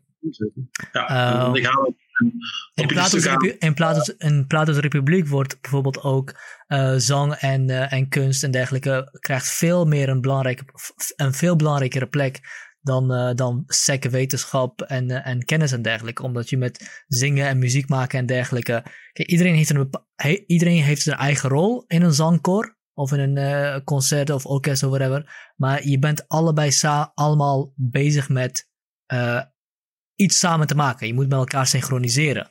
Ehm, dus. Ja, ja. Ik, ik, haal ook een opiniestuk aan van Boris van der Ham. Uh, in, in, in een, bij een boek van als titel Spreek Nederlands met me. En dat was een pleidooi voor meer aandacht voor de Nederlandse taal en Nederlandse producties, et cetera. En opnieuw, Nederlands zijn in dat opzicht schakelen heel makkelijk naar het Engels. Zowel in, in, in, uh, in liederen, zoals je net zei, ook als gaat bijvoorbeeld het Songfestival. van de, de Eurovisie Songfestival, dat doen we het in één keer al heel vaak over het Engels bijvoorbeeld. Um, maar ook de Nederlandse producties van, van tv en van, van series en films, et cetera. dus dat, dat, dat, natuurlijk eerder over de verengelsing natuurlijk van de universiteiten. dus, dus Nederlanders zijn heel, vergeten heel makkelijk zeg maar, het belang dan van die eigen taal. En wat ook met zich meebrengt voor natuurlijk het koesteren van de cultuur de identiteit, et cetera. dus dat, dat geven we denk ik soms iets te makkelijk op als Nederland. We mogen best wel terughouden in zijn. Wat meer juist investeren eigenlijk in die Nederlandse taal. En Van der Ram zegt ook, ja, we hebben het wel continu over identiteit. We gaan door die identiteitscrisis. En daar kun je hele mooie filosofische discussies over voeren. Maar moet je soms niet gewoon bij de basis beginnen, zeg maar, je eigen taal. Van, hè, van, en hoe investeer je uh, daarin? Hè, van, van in het onderwijs, hè, maar ook in de cultuursector. Um, en in musea, et cetera, over het verleden. Van, hè, van het belang van, van, van de eigen taal en het, het Nederlands spreken eigenlijk. Uh, te maken. En dat kan ook inderdaad in combinatie met samen zingen of andere culturele. Recording has stopped. kan dat uh, samengaan. Volgens oh. mij is de naam nu gestopt. Nee, ja, hij is inderdaad gestopt, maar dat is gelukkig niet erg, want ik heb altijd een backup. Dus we zijn gewoon lekker aan het opnemen. Oké. Kleine hapering. Maar goed, die, die, dus, dus daar zit zeg maar denk ik wel degelijk inderdaad zin wat we ook meer mogen koesteren. En waar we soms, als Nederlanders, soms te makkelijk uh, opgeven dus daar, uh, daar mogen we ook zeker meer in, in, investeren. En datzelfde geldt ook over sporten, wat je net ook. Dat is ook een van de tien punten die ik laat ik een soort van tien punten plan hebben voor Nederland, voor meer patriotistisch Nederland opgesteld. Ook sport zit daar natuurlijk bij, omdat juist sport niet alleen mensen van hele verschillende groepen bij elkaar brengt op het sportveld, maar uiteindelijk ook de momenten dat we trots kunnen zijn op Nederland en dat we ons met elkaar verwonden, met, met onderling met elkaar voelen, zijn natuurlijk ook de, de momenten dat Nederlandse sporters bepaalde sportprestaties leveren. Met voetbal, maar ook met Olympische Spelen en heel andere sporten. Uh, dat, dat zijn belangrijke momenten. Dus daar moeten we ook zeker in, investeren als, als Nederland zijn. Ja. En um, ja, wat ik me altijd ook afvraag is. Uh, dat zijn inderdaad belangrijke momenten, maar zijn het, zijn het ook terecht belangrijke momenten? Of is dat een vraag die niet echt uh, relevant is over het onderwerp? Nee, niet zozeer. Omdat het, het, gaat denk ik niet zozeer over ja, wat is nou de intrinsieke waarde ervan, zeg maar. Ja, wat heb je nou aan een sportbeker? Hartstikke leuk. Uh, het gaat meer om het gevoel en emotie die natuurlijk onder zit. Hè, van, van, en hoe die gezamenlijk beleefd wordt, als het ware. Hè, dat is een neveneffect eigenlijk mm. ervan. dus dat, dat, dat je kunt bijvoorbeeld zeggen, ja, voetbal, ja, wat doet het ertoe? Ja, je had de Corinne Michel zei, voetbal is oorlog, ja, letterlijk. voor heel veel mensen in de wereld is het, is het iets waarvoor ze leven, zeg maar. van, van dat er een bepaald gevoel, een bepaalde emotie uh, wat ook direct gekoppeld is aan identiteit. En dat kan een clubidentiteit zijn, hè, maar in het geval bijvoorbeeld Nederlands elftal is dat de nationale, de Nederlandse identiteit. Hè, dus, dus, dus ja, uh, in die zin van, ja, wat, wat heb je eraan? Uh, aan zich ja, zo is een, een, beker hartstikke mooi, maar je kunt er niet zo heel veel mee. Maar als het gaat om, om de emotionele waarde voor de samenleving, die is denk ik heel groot. Uh, en van daaruit moet je denk ik ook daar juist in, in, in durven investeren. Nou, op zich Nederland doen we dat goed hoor. Dus ik, ik bedoel, het is ook niet zo dat ik zeg we doen er veel te weinig mee. Mm. Wij zijn natuurlijk een lang puur samen, we investeren veel in sport. Maar we moeten vooral blijven uh, doen. Ja. Uh, en ik hoop natuurlijk ook dat de komende jaren Nederland zelf al weer heel veel wordt op EK en WK. En dat we dat ook weer voelen als staan.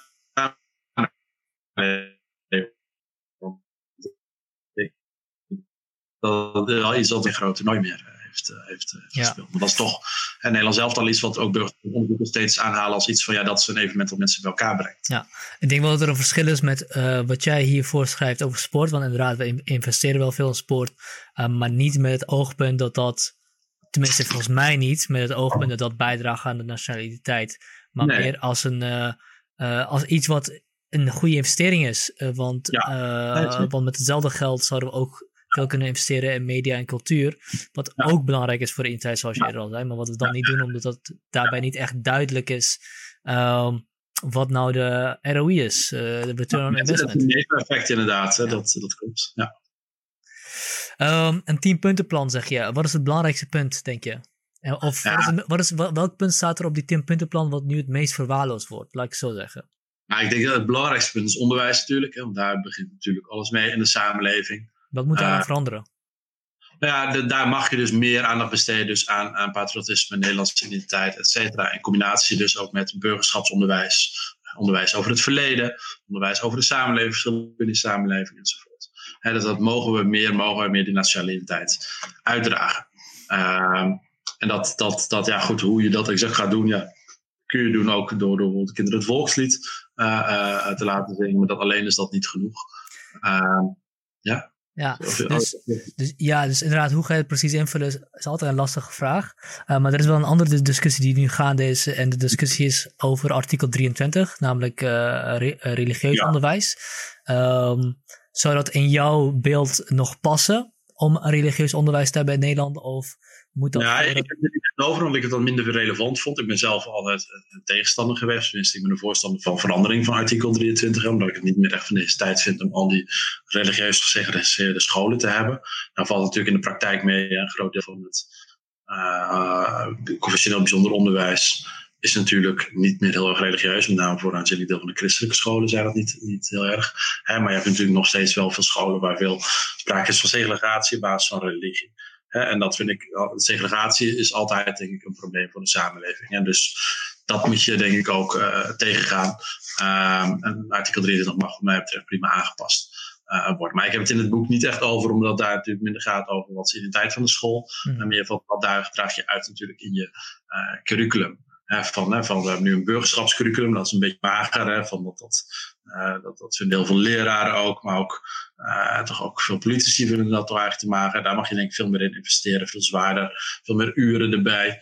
Maar wel een combinatie, niet alleen als het gaat om, om die waarden, die waarden van de democratie en de rechtsstaat, et cetera, maar ook die identiteitsaspecten. Dat moet hand in hand gaan met, uh, met elkaar. En dat hoort ook eigenlijk bij elkaar. Hè, van, van, van, van als je van Nederland houdt, dan wil je graag dat Nederland een, een, een goed functionerende samenleving is, een sterke verzorgingsstaat en een, een gezonde democratie en een rechtsstaat die voor alle burgers is, Dus dat moet hand in hand gaan eigenlijk met elkaar. Dus denk onderwijs is denk ik het belangrijkste punt.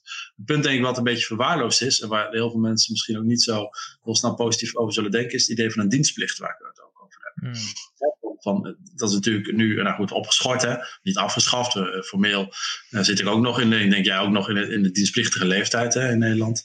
Dus er kan een beroep op je worden gedaan, dat wordt in de praktijk niet gedaan. Dat heeft ook een reden natuurlijk, want ja goed, ik haal met de verhalen van mijn eigen vader aan, die in dienst heeft gezeten. Nou, dat leek mij verschrikkelijk als ik dat had moeten doen. Hè? Want een paar jaar van je leven kwijt om ergens in the middle of nowhere zeg maar, oefeningen te doen en je af te laten beulen door een van de drill. Zeg maar. Dus daar, dat zag ik zelf ook niet niet, niet echt bepaald zitten. Maar tegelijkertijd, het was wel een, een tijd waarin ook kameraadschap werd, werd gekweekt. Hè, waar mensen uit alle uh, verschillende milieus van de Nederlandse samenleving plotseling bij elkaar in de tent uh, sliepen of samen ergens in de bosjes lagen. En in één keer ehm, daar goed bij elkaar kwamen. Terwijl ze dat daarvoor, ja, anders, als ze dat niet hadden gehad, misschien helemaal niet hadden gehad.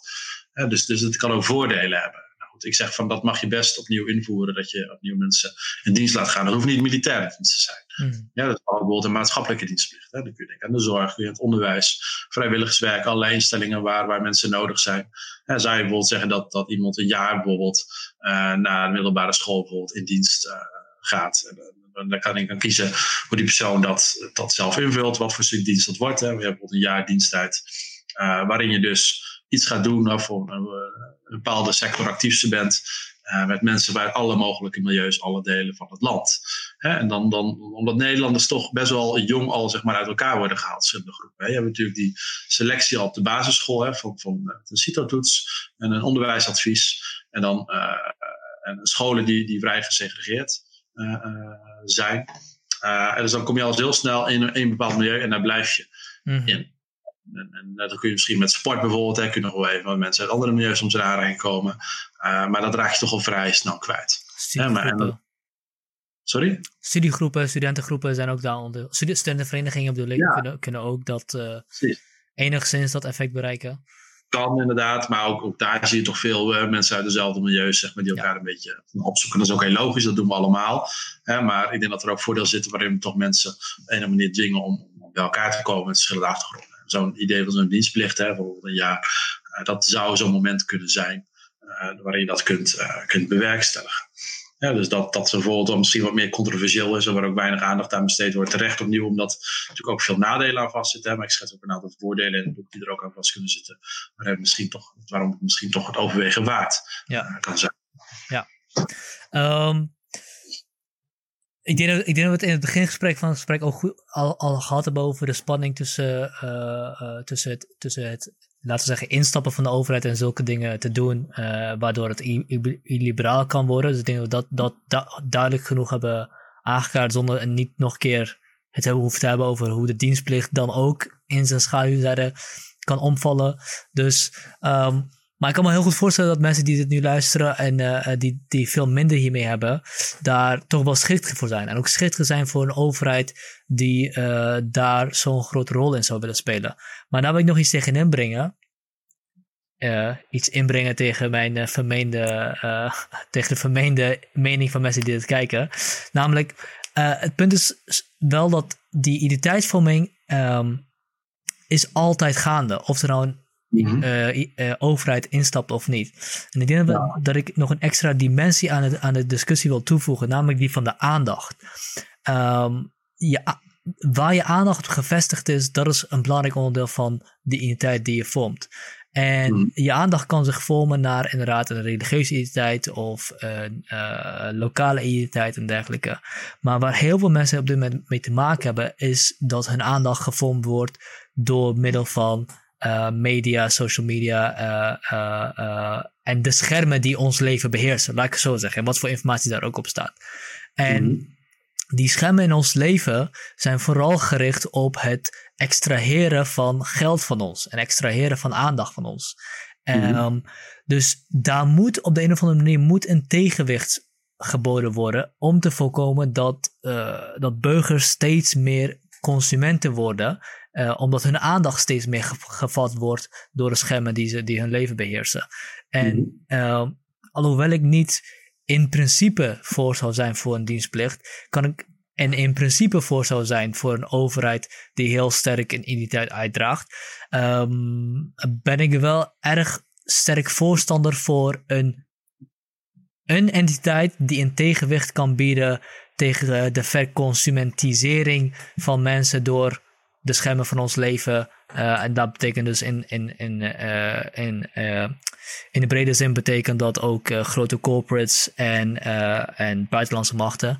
en of die mm. entiteit nou een overheid is of een ideologie of wat anders, um, is mij denk ik een beetje om het even. Alhoewel ik wel denk dat het op dit moment de plek is van de overheid om daar veranderingen in door te voeren om die tegen, dat tegenwicht te kunnen bieden.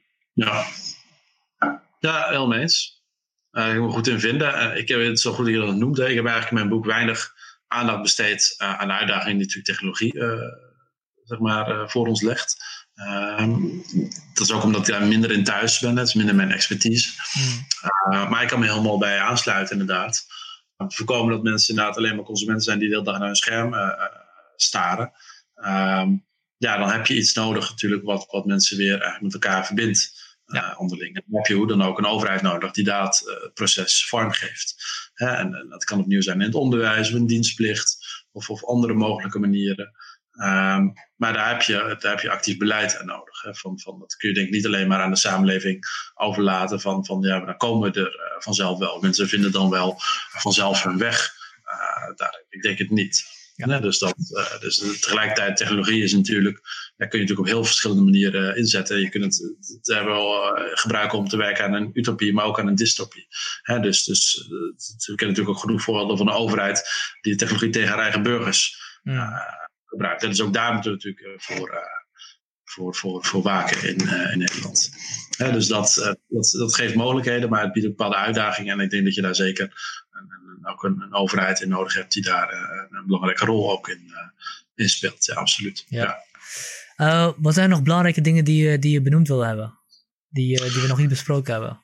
Ehm, ik denk dat we een aantal van de belangrijkste punten, hè, van we hebben natuurlijk gehad over nou goed, welke uitdagingen staan we voor, van, van, van welke oplossingen. Wat misschien nog interessant is natuurlijk om het te hebben over ja, maar wat, wat is nou die Nederlandse identiteit? Ja. dan natuurlijk, hè, van waar hebben we het dan, dan en, en, Nederlanders die, die, die, zeggen al heel snel van ja, uh, dat is een beetje spruitjeslucht en zo. En, en, en dat is van, uh, ja, dat, wat, wat die nou precies omhelst, dat, dat vinden we vaak ook heel lastig. Hè. Um, tegelijkertijd, goed, er zijn wel onderzoeken naar gedaan waarin dat juist heel duidelijk naar voren komt. Hè. Dus een beetje discrepantie. Onderzoeken zeggen enerzijds Nederlanders zijn heel erg onzeker over de identiteit en worstelen deel erg mee. Anderzijds Nederlanders van alle verschillende achtergronden weten heel duidelijk te noemen waar de identiteit over gaat. vrijheid wordt vaak het belangrijkste aspect daarvan genoemd. Ehm, feestdagen natuurlijk, uh, cultuur, et cetera. Uh, maar ook uh, het landschap bijvoorbeeld hè, van, van wordt, wordt daarin belangrijk gevonden. bepaalde kenmerken van de Nederlandse mentaliteit is directheid, soberheid, eerlijkheid, et cetera, nuchterheid. Individualisme, dat, dat zijn kenmerken die allemaal ook belangrijk worden, uh, worden geacht. Dus het gaat eigenlijk om een combinatie van waarden, uh, kenmerken eigenlijk van, van, van hoe Nederlanders, van de volksaard om het zo maar te zeggen, geschiedenis, feestdagen, ehm, landschapskenmerken, zeg maar, daar een mix eigenlijk van. dat, dat, dat zijn zaken die, die Nederlanders dan zien als van dat, dat is wat de Nederlandse identiteit tot de Nederlandse identiteit maakt. Maar dat opnieuw, daar zullen ook verschillen natuurlijk in zitten. Hè? Want ja, opnieuw iemand uit Limburg zal dan misschien ook een andere invulling geven dan iemand uit Amsterdam. natuurlijk. Hè? Maar grote lijnen gesproken hè, kunnen de meeste Nederlanders zich daar wel een beetje in, ja. in vinden. Ja. van wat identiteit omhelst. Ja, je had ook in het begin van je gesprek over dat jouw meer biculturele vrienden heel goed het verschil weten tussen, wanneer ze iets Nederlands doen en wanneer ze iets niet Nederlands doen. En, en, daar kan ik me wel in vinden. Alhoewel ik ook wel eens met mijn neus, met mijn neus op de feiten ben gedrukt. doordat iemand tegen mij zei, waar heb je het over? Zo, dat doen wij ook. en dat waren dan meer, die komen uit een meer boerenomgeving. dus soms is er ook een verschil tussen wa wat we denken inderdaad dat, even kijken, een voorbeeld. Een van de voorbeelden is dat, uh, dat als wij in Koeristan bij familie komen, dan is er altijd heel veel eten en je hebt nooit genoeg gegeten. Ja. Um, en dat plaatste ik als een zeer Koerdische eigenschap. En, en, en, daar werd tegenin geworpen, nou, dat is helemaal niet waar. In, in onze boerenstreek is dat, is dat precies hetzelfde. Als je bij oma komt, moet je heel veel eten. Dus ja. Dus soms zijn er ook verschillen, verschillen die we denken dat verschillen zijn, maar dat, dat, die, niet, die geen echte verschillen zijn. Ja, dat ben ik niet helemaal met je eens, denk ik. In die zin denk ik, ja, natuurlijk, dat, dat, kijk, je ziet natuurlijk, in elke cultuur zijn heel verschillende variaties. Hmm. dus dat, uh, dat, dat, dat is zeker een feit. Um, die voor deel ook door geografie ingevuld zijn, et cetera. Um, maar ik denk dat je globaal nog wel kunt, kunt zien. Opnieuw heeft het jouw voorbeeld van eetcultuur. In Nederland is eigenlijk geen echte eetcultuur. Eten speelt een veel minder belangrijke hmm. rol dat speelt in heel veel zuidelijke culturen bijvoorbeeld. dus daar waar eten echt het centrale aspect eigenlijk van het sociale leven uh, omvat. Uh, en en dat, is, dat is in Nederland eigenlijk niet nauwelijks het geval. Dus globaal gezien, als je over de cultuur een hele breedte hebt, zijn daar denk ik die verschillen wel benoemen. Maar binnen elke cultuur zijn natuurlijk alles variaties die, die misschien wel meer aansluiten bij elkaar zullen Nee, zeker. Uh, en er zeker zijn, in, in brede zin zijn inderdaad die verschillen. Wat ik probeerde aan te geven was dat wat ik als een verschil zag, zag hij dus totaal niet als een verschil. Ja. En over eetcultuur gesproken, één ding wat ik nooit zal leren, uh, of nooit, uh, denk ik nooit in zal integreren, is, is de boterhammencultuur. Uh, dat is echt, ik, ik heb ooit iemand pindakaas zien eten en dan, niet, en dan droge pindakaas en dan niet, niet, niet twee boterhammen, maar dan echt gewoon vier stuks op elkaar. Nou, toen dacht ik echt van wauw, wat gebeurt hier uh, opeens. Dus die uh, cultuur, dat heb ik ook verder nergens anders in de wereld gezien. Dus niet alleen maar niet in Koerdistan. Maar ik, ik, is dat in België volgens mij niet eens? Of in Duitsland volgens mij niet eens? Dan heb je ook veel meer witbrood, hè, als de Fransen inderdaad. Uh, dat soort dingen. Ja, ik weet nog dat ik ooit, uh, ik werkte in het verleden Europees Parlement. En de eerste dag werd ik door mijn chef mee uit eten genomen. We lunch in de, in de, in de kantine. Mijn chef was ook een Nederlander. En ik had mijn broodje inderdaad meegenomen. Die lachen, nou ga je heel snel leren hoor. Straks zit je hier elke dag uh, warm te eten. Ja, ik ben het gewoon blijven doen al die tijd. Omdat ik het zo gewend was. En het ook gewoon lekker vond. En het ja, ook gewoon goedkoop was. Hè, want dan hoef je niet elke keer een dure lunch uh, in die kantine te bestellen. Dus toen had ik natuurlijk veel salaris. Dan is ook meer geld over natuurlijk. Ehm, dus, ook, ja. ook een heel Nederlands eigenschap inderdaad. Ja, ook inderdaad een heel, heel Nederlands eigenschap inderdaad. Uh, wij besteden ook minder geld natuurlijk aan eten opnieuw. Omdat ik zeg, we hebben minder eetcultuur. Dus eten speelt ja. veel minder belangrijke rol in onze cultuur. Uh, maar goed, ja, de, dus daar zullen altijd natuurlijk bepaalde variaties in blijven. Kijk, ik zie natuurlijk zelf bij heel veel biculturele Nederlanders dat als het gaat om eten, als het gaat om dansen, zang, et cetera dan zijn vaak elementen die men heel erg koestert. Hè? Wel vanuit de, de cultuur zeg maar, van, van, van de ouders, een land van herkomst, et cetera. Um, en dat, dat, hoeft helemaal niet, dat is ook helemaal niet problematisch. Omdat ze juist dingen die juist ook een samenleving kunnen verrijken. Kijk, alleen al, ik heb het met mijn studenten wel eens over diversiteit. Hè? Van, van een groot voordeel natuurlijk. Ja, wat je bij spreken overal kunt eten, kunt kopen en kunt doen. En naar kunt luisteren en kunt zien, et cetera. Dat, dat zijn juist dingen die heel mooi worden. Ja. gevonden. Met veel waardering voor hebben als het gaat om diversiteit de onderliggende problemen zijn natuurlijk bij waarden. als het gaat om botsende waarden en groepsidentiteit in de samenleving, dan kom je bij de uitdagingen van diversiteit voor de samenleving. maar dat, dat aspect, dat, dat kan ook prima bestaan, zeg maar. En, daar, uh, en daarin is uh, ook, ook zeggen, de Nederlandse cultuur ook zeker niet uh, perfect in. En daar kunnen we ook zeker leren natuurlijk van, van andere culturen. En ook van, van verschillende minderheidsgroepen in onze, in onze samenleving. dus dat, dat, dat, dat, ja, dat is zeker iets, iets moois om die diversiteit daarin te koesteren.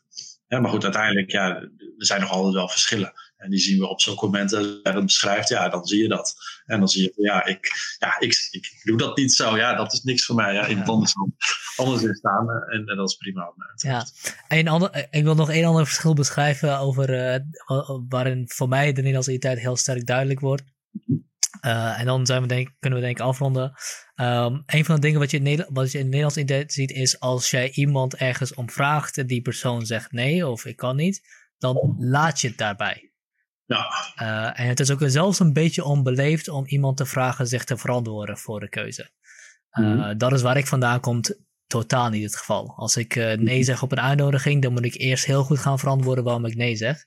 Ja. En ook, het komt ook wel weer heel sterk terug met eten. Ik weet een verhaal van een van een uh, Koerdische vrouw die net, of Koerdische gezin die net in Nederland was. En, en waar dan een Nederlands gezin uh, op bezoek kwam.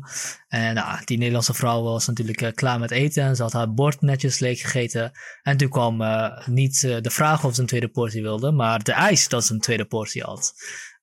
En bij een nee van haar werd er natuurlijk nog een keer aangeboden, want dat is de cultuur. Je, je, blij, je, je ja je, je biedt het aan, want anders kom je over als een krent als je na één keer al zegt, uh, laat maar. Dus die vrouw blijft aanbieden, blijft aanbieden. En deze Nederlandse vrouw blijft nee zeggen, blijft nee zeggen. Tot ze op een gegeven moment gewoon ja, in tranen uitbarst, omdat ze gewoon niet weet wat ze moet doen. Want ze kan echt niet eten, maar het woord maar blijft, blijft maar aangeboden worden. Um, Dus dat idee dat een nee is gewoon een nee, uh, dat, dat is ook uh, iets, iets heel Nederlands. Ja, uh, nou, dat doet mij denken eigenlijk aan een hele leuke anekdote van toen ik kind was. Ik groeide op in Groningen en dat je in die, die tijd veel AZC's. Um, en mijn ouders deden via de kerk ook vrijwilligerswerk, zeg maar. Uh, en, en, we gingen op een gegeven moment cadeautjes brengen aan Irakese christenen in, in een AZC. Uh, en toen, nou goed, we zaten daar bij hun en, en ik kwam een schaal koekjes kwam aanzetten. En wij dachten, we moeten het allemaal gaan eten. Omdat het ons best gedaan om die hele schaal leeg te vreten, helemaal misselijk te eten.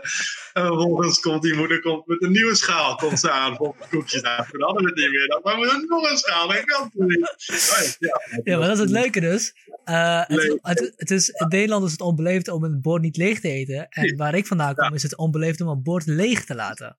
Ja. Uh, uh, je hoort je gasten het zo comfortabel mogelijk te maken, want het, het zou niet leuk zijn voor de gast om te moeten vragen voor extra eten. Ja, ja, ja, precies. Ja, en dat, dat is natuurlijk een heel klassiek verschil inderdaad. Uh, waar ja, toen totale culturele miscommunicatie ontstond. Dus dan, nou, dat we heel goed oplossen. Want die mensen hadden vrij snel ook uh, snel door dat dat niet meer hoefde. En dat we het dan weer lekker vonden en heel erg waardeerden enzovoort. En dat we echt niet meer uh, konden. Um, nou goed, dat is uiteindelijk, dat, dat kun je alleen maar leren denk ik, door, door een aanraking met, met elkaar te komen. En die verschillen te ondervinden en die ook te bespreken. En dat is denk ik wel een voordeel van de Nederlandse cultuur. Nederlanders gooien heel snel dingen op tafel, maken ze bespreekbaar, stellen vragen. Terwijl ook in, soms voor andere landen, dan, dan ga je minder snel uh, direct naar, eh, naar het pijnpunt, zeg maar. Hè, van waar zit dat dan? En dan, dan wordt het meer, iets meer omhuld enzovoort. Dus ik vind dat een voordeel van Nederland. Van, ja, dat, je, dat leg je dan op tafel en dan, vraag je van hoe zit dat? En dan leer je van elkaar. En dan kun je ook van elkaar leren op zo'n moment. dus, en dan kun je ook dingen, dingen overnemen. Ik heb zelf in het Midden-Oosten gewoond daar heb ik ook wel iets geleerd over het belang van gasvrijheid, zeg maar. Hè? Van, van, van dat, dat, ja, goed, dat we dat in Nederland minder uh, kennen, bijvoorbeeld. Hè? Dus daar heb ik ook veel waardering uh, voor, uh, voor gekregen. dus dat, en ook ten aanzien bijvoorbeeld van van buitenlanders. In die zin van mensen die op bezoek zijn in je land. Hè. Als, jij, eh, als ik in het Midden-Oosten ben eh, en ik vraag ergens de weg, een tal van mensen die me willen helpen. Ja. ja, goed, hier heb je dat minder. Dus ik ben ook meer opengestaan voor als ik een, eh, een, een buitenlandse familie toeristen die, die hier de wegvrouw hulp nodig heeft. Ja, dat doe ik nu veel sneller. Omdat ik geleerd heb vanuit mijn ervaringen daarvan. Mensen daar ook voor, elkaar, voor anderen openstaan. Hè, die ze totaal niet kennen. Sterker nog, mensen zijn soms veel vriendelijker ten opzichte ten aanzien van buitenlanders dan ten opzichte van hun eigen landgenoten. Klopt, klopt. Je hebt een bepaalde trots ook naar je, naar je land en dat wil je graag zien, laten zien aan, eh, aan, eh, aan mensen die van buiten zijn. Uh, ja. ja. Leuk. Hey, uh, supergoed gesprek. Ik, uh, ik vind het heel interessant. ik denk dat je een aantal goede spanningen beschrijft die er leven op het gebied van identiteit. het belang ervan, maar ook de, ja, de schaduwzijde die, die er kan ontstaan en hoe je dat balans moet zoeken. Mhm. En ik denk dat het inderdaad iets is wat de komende jaren, misschien wel decennia, uh, wellicht zelfs een, een bewust project moet gaan zijn. Als we weerstand willen bieden tegen allerlei krachten die we al in het gesprek benoemd hebben. Uh, uh, die dan wel intentioneel, dan niet intentioneel de burgermaatschappij uithollen. Ja. Zeg ik het zo goed? Ja, ik denk het wel. Hoe samenvatting, ja. ja, ja. Nou, dan, uh, dan is ik in ieder geval een fijne dag verder. Ik ga de uh, opname stoppen, maar we kunnen nog wel een beetje napraten als je wilt. Een leuk gesprek, uh, dus dank je voor.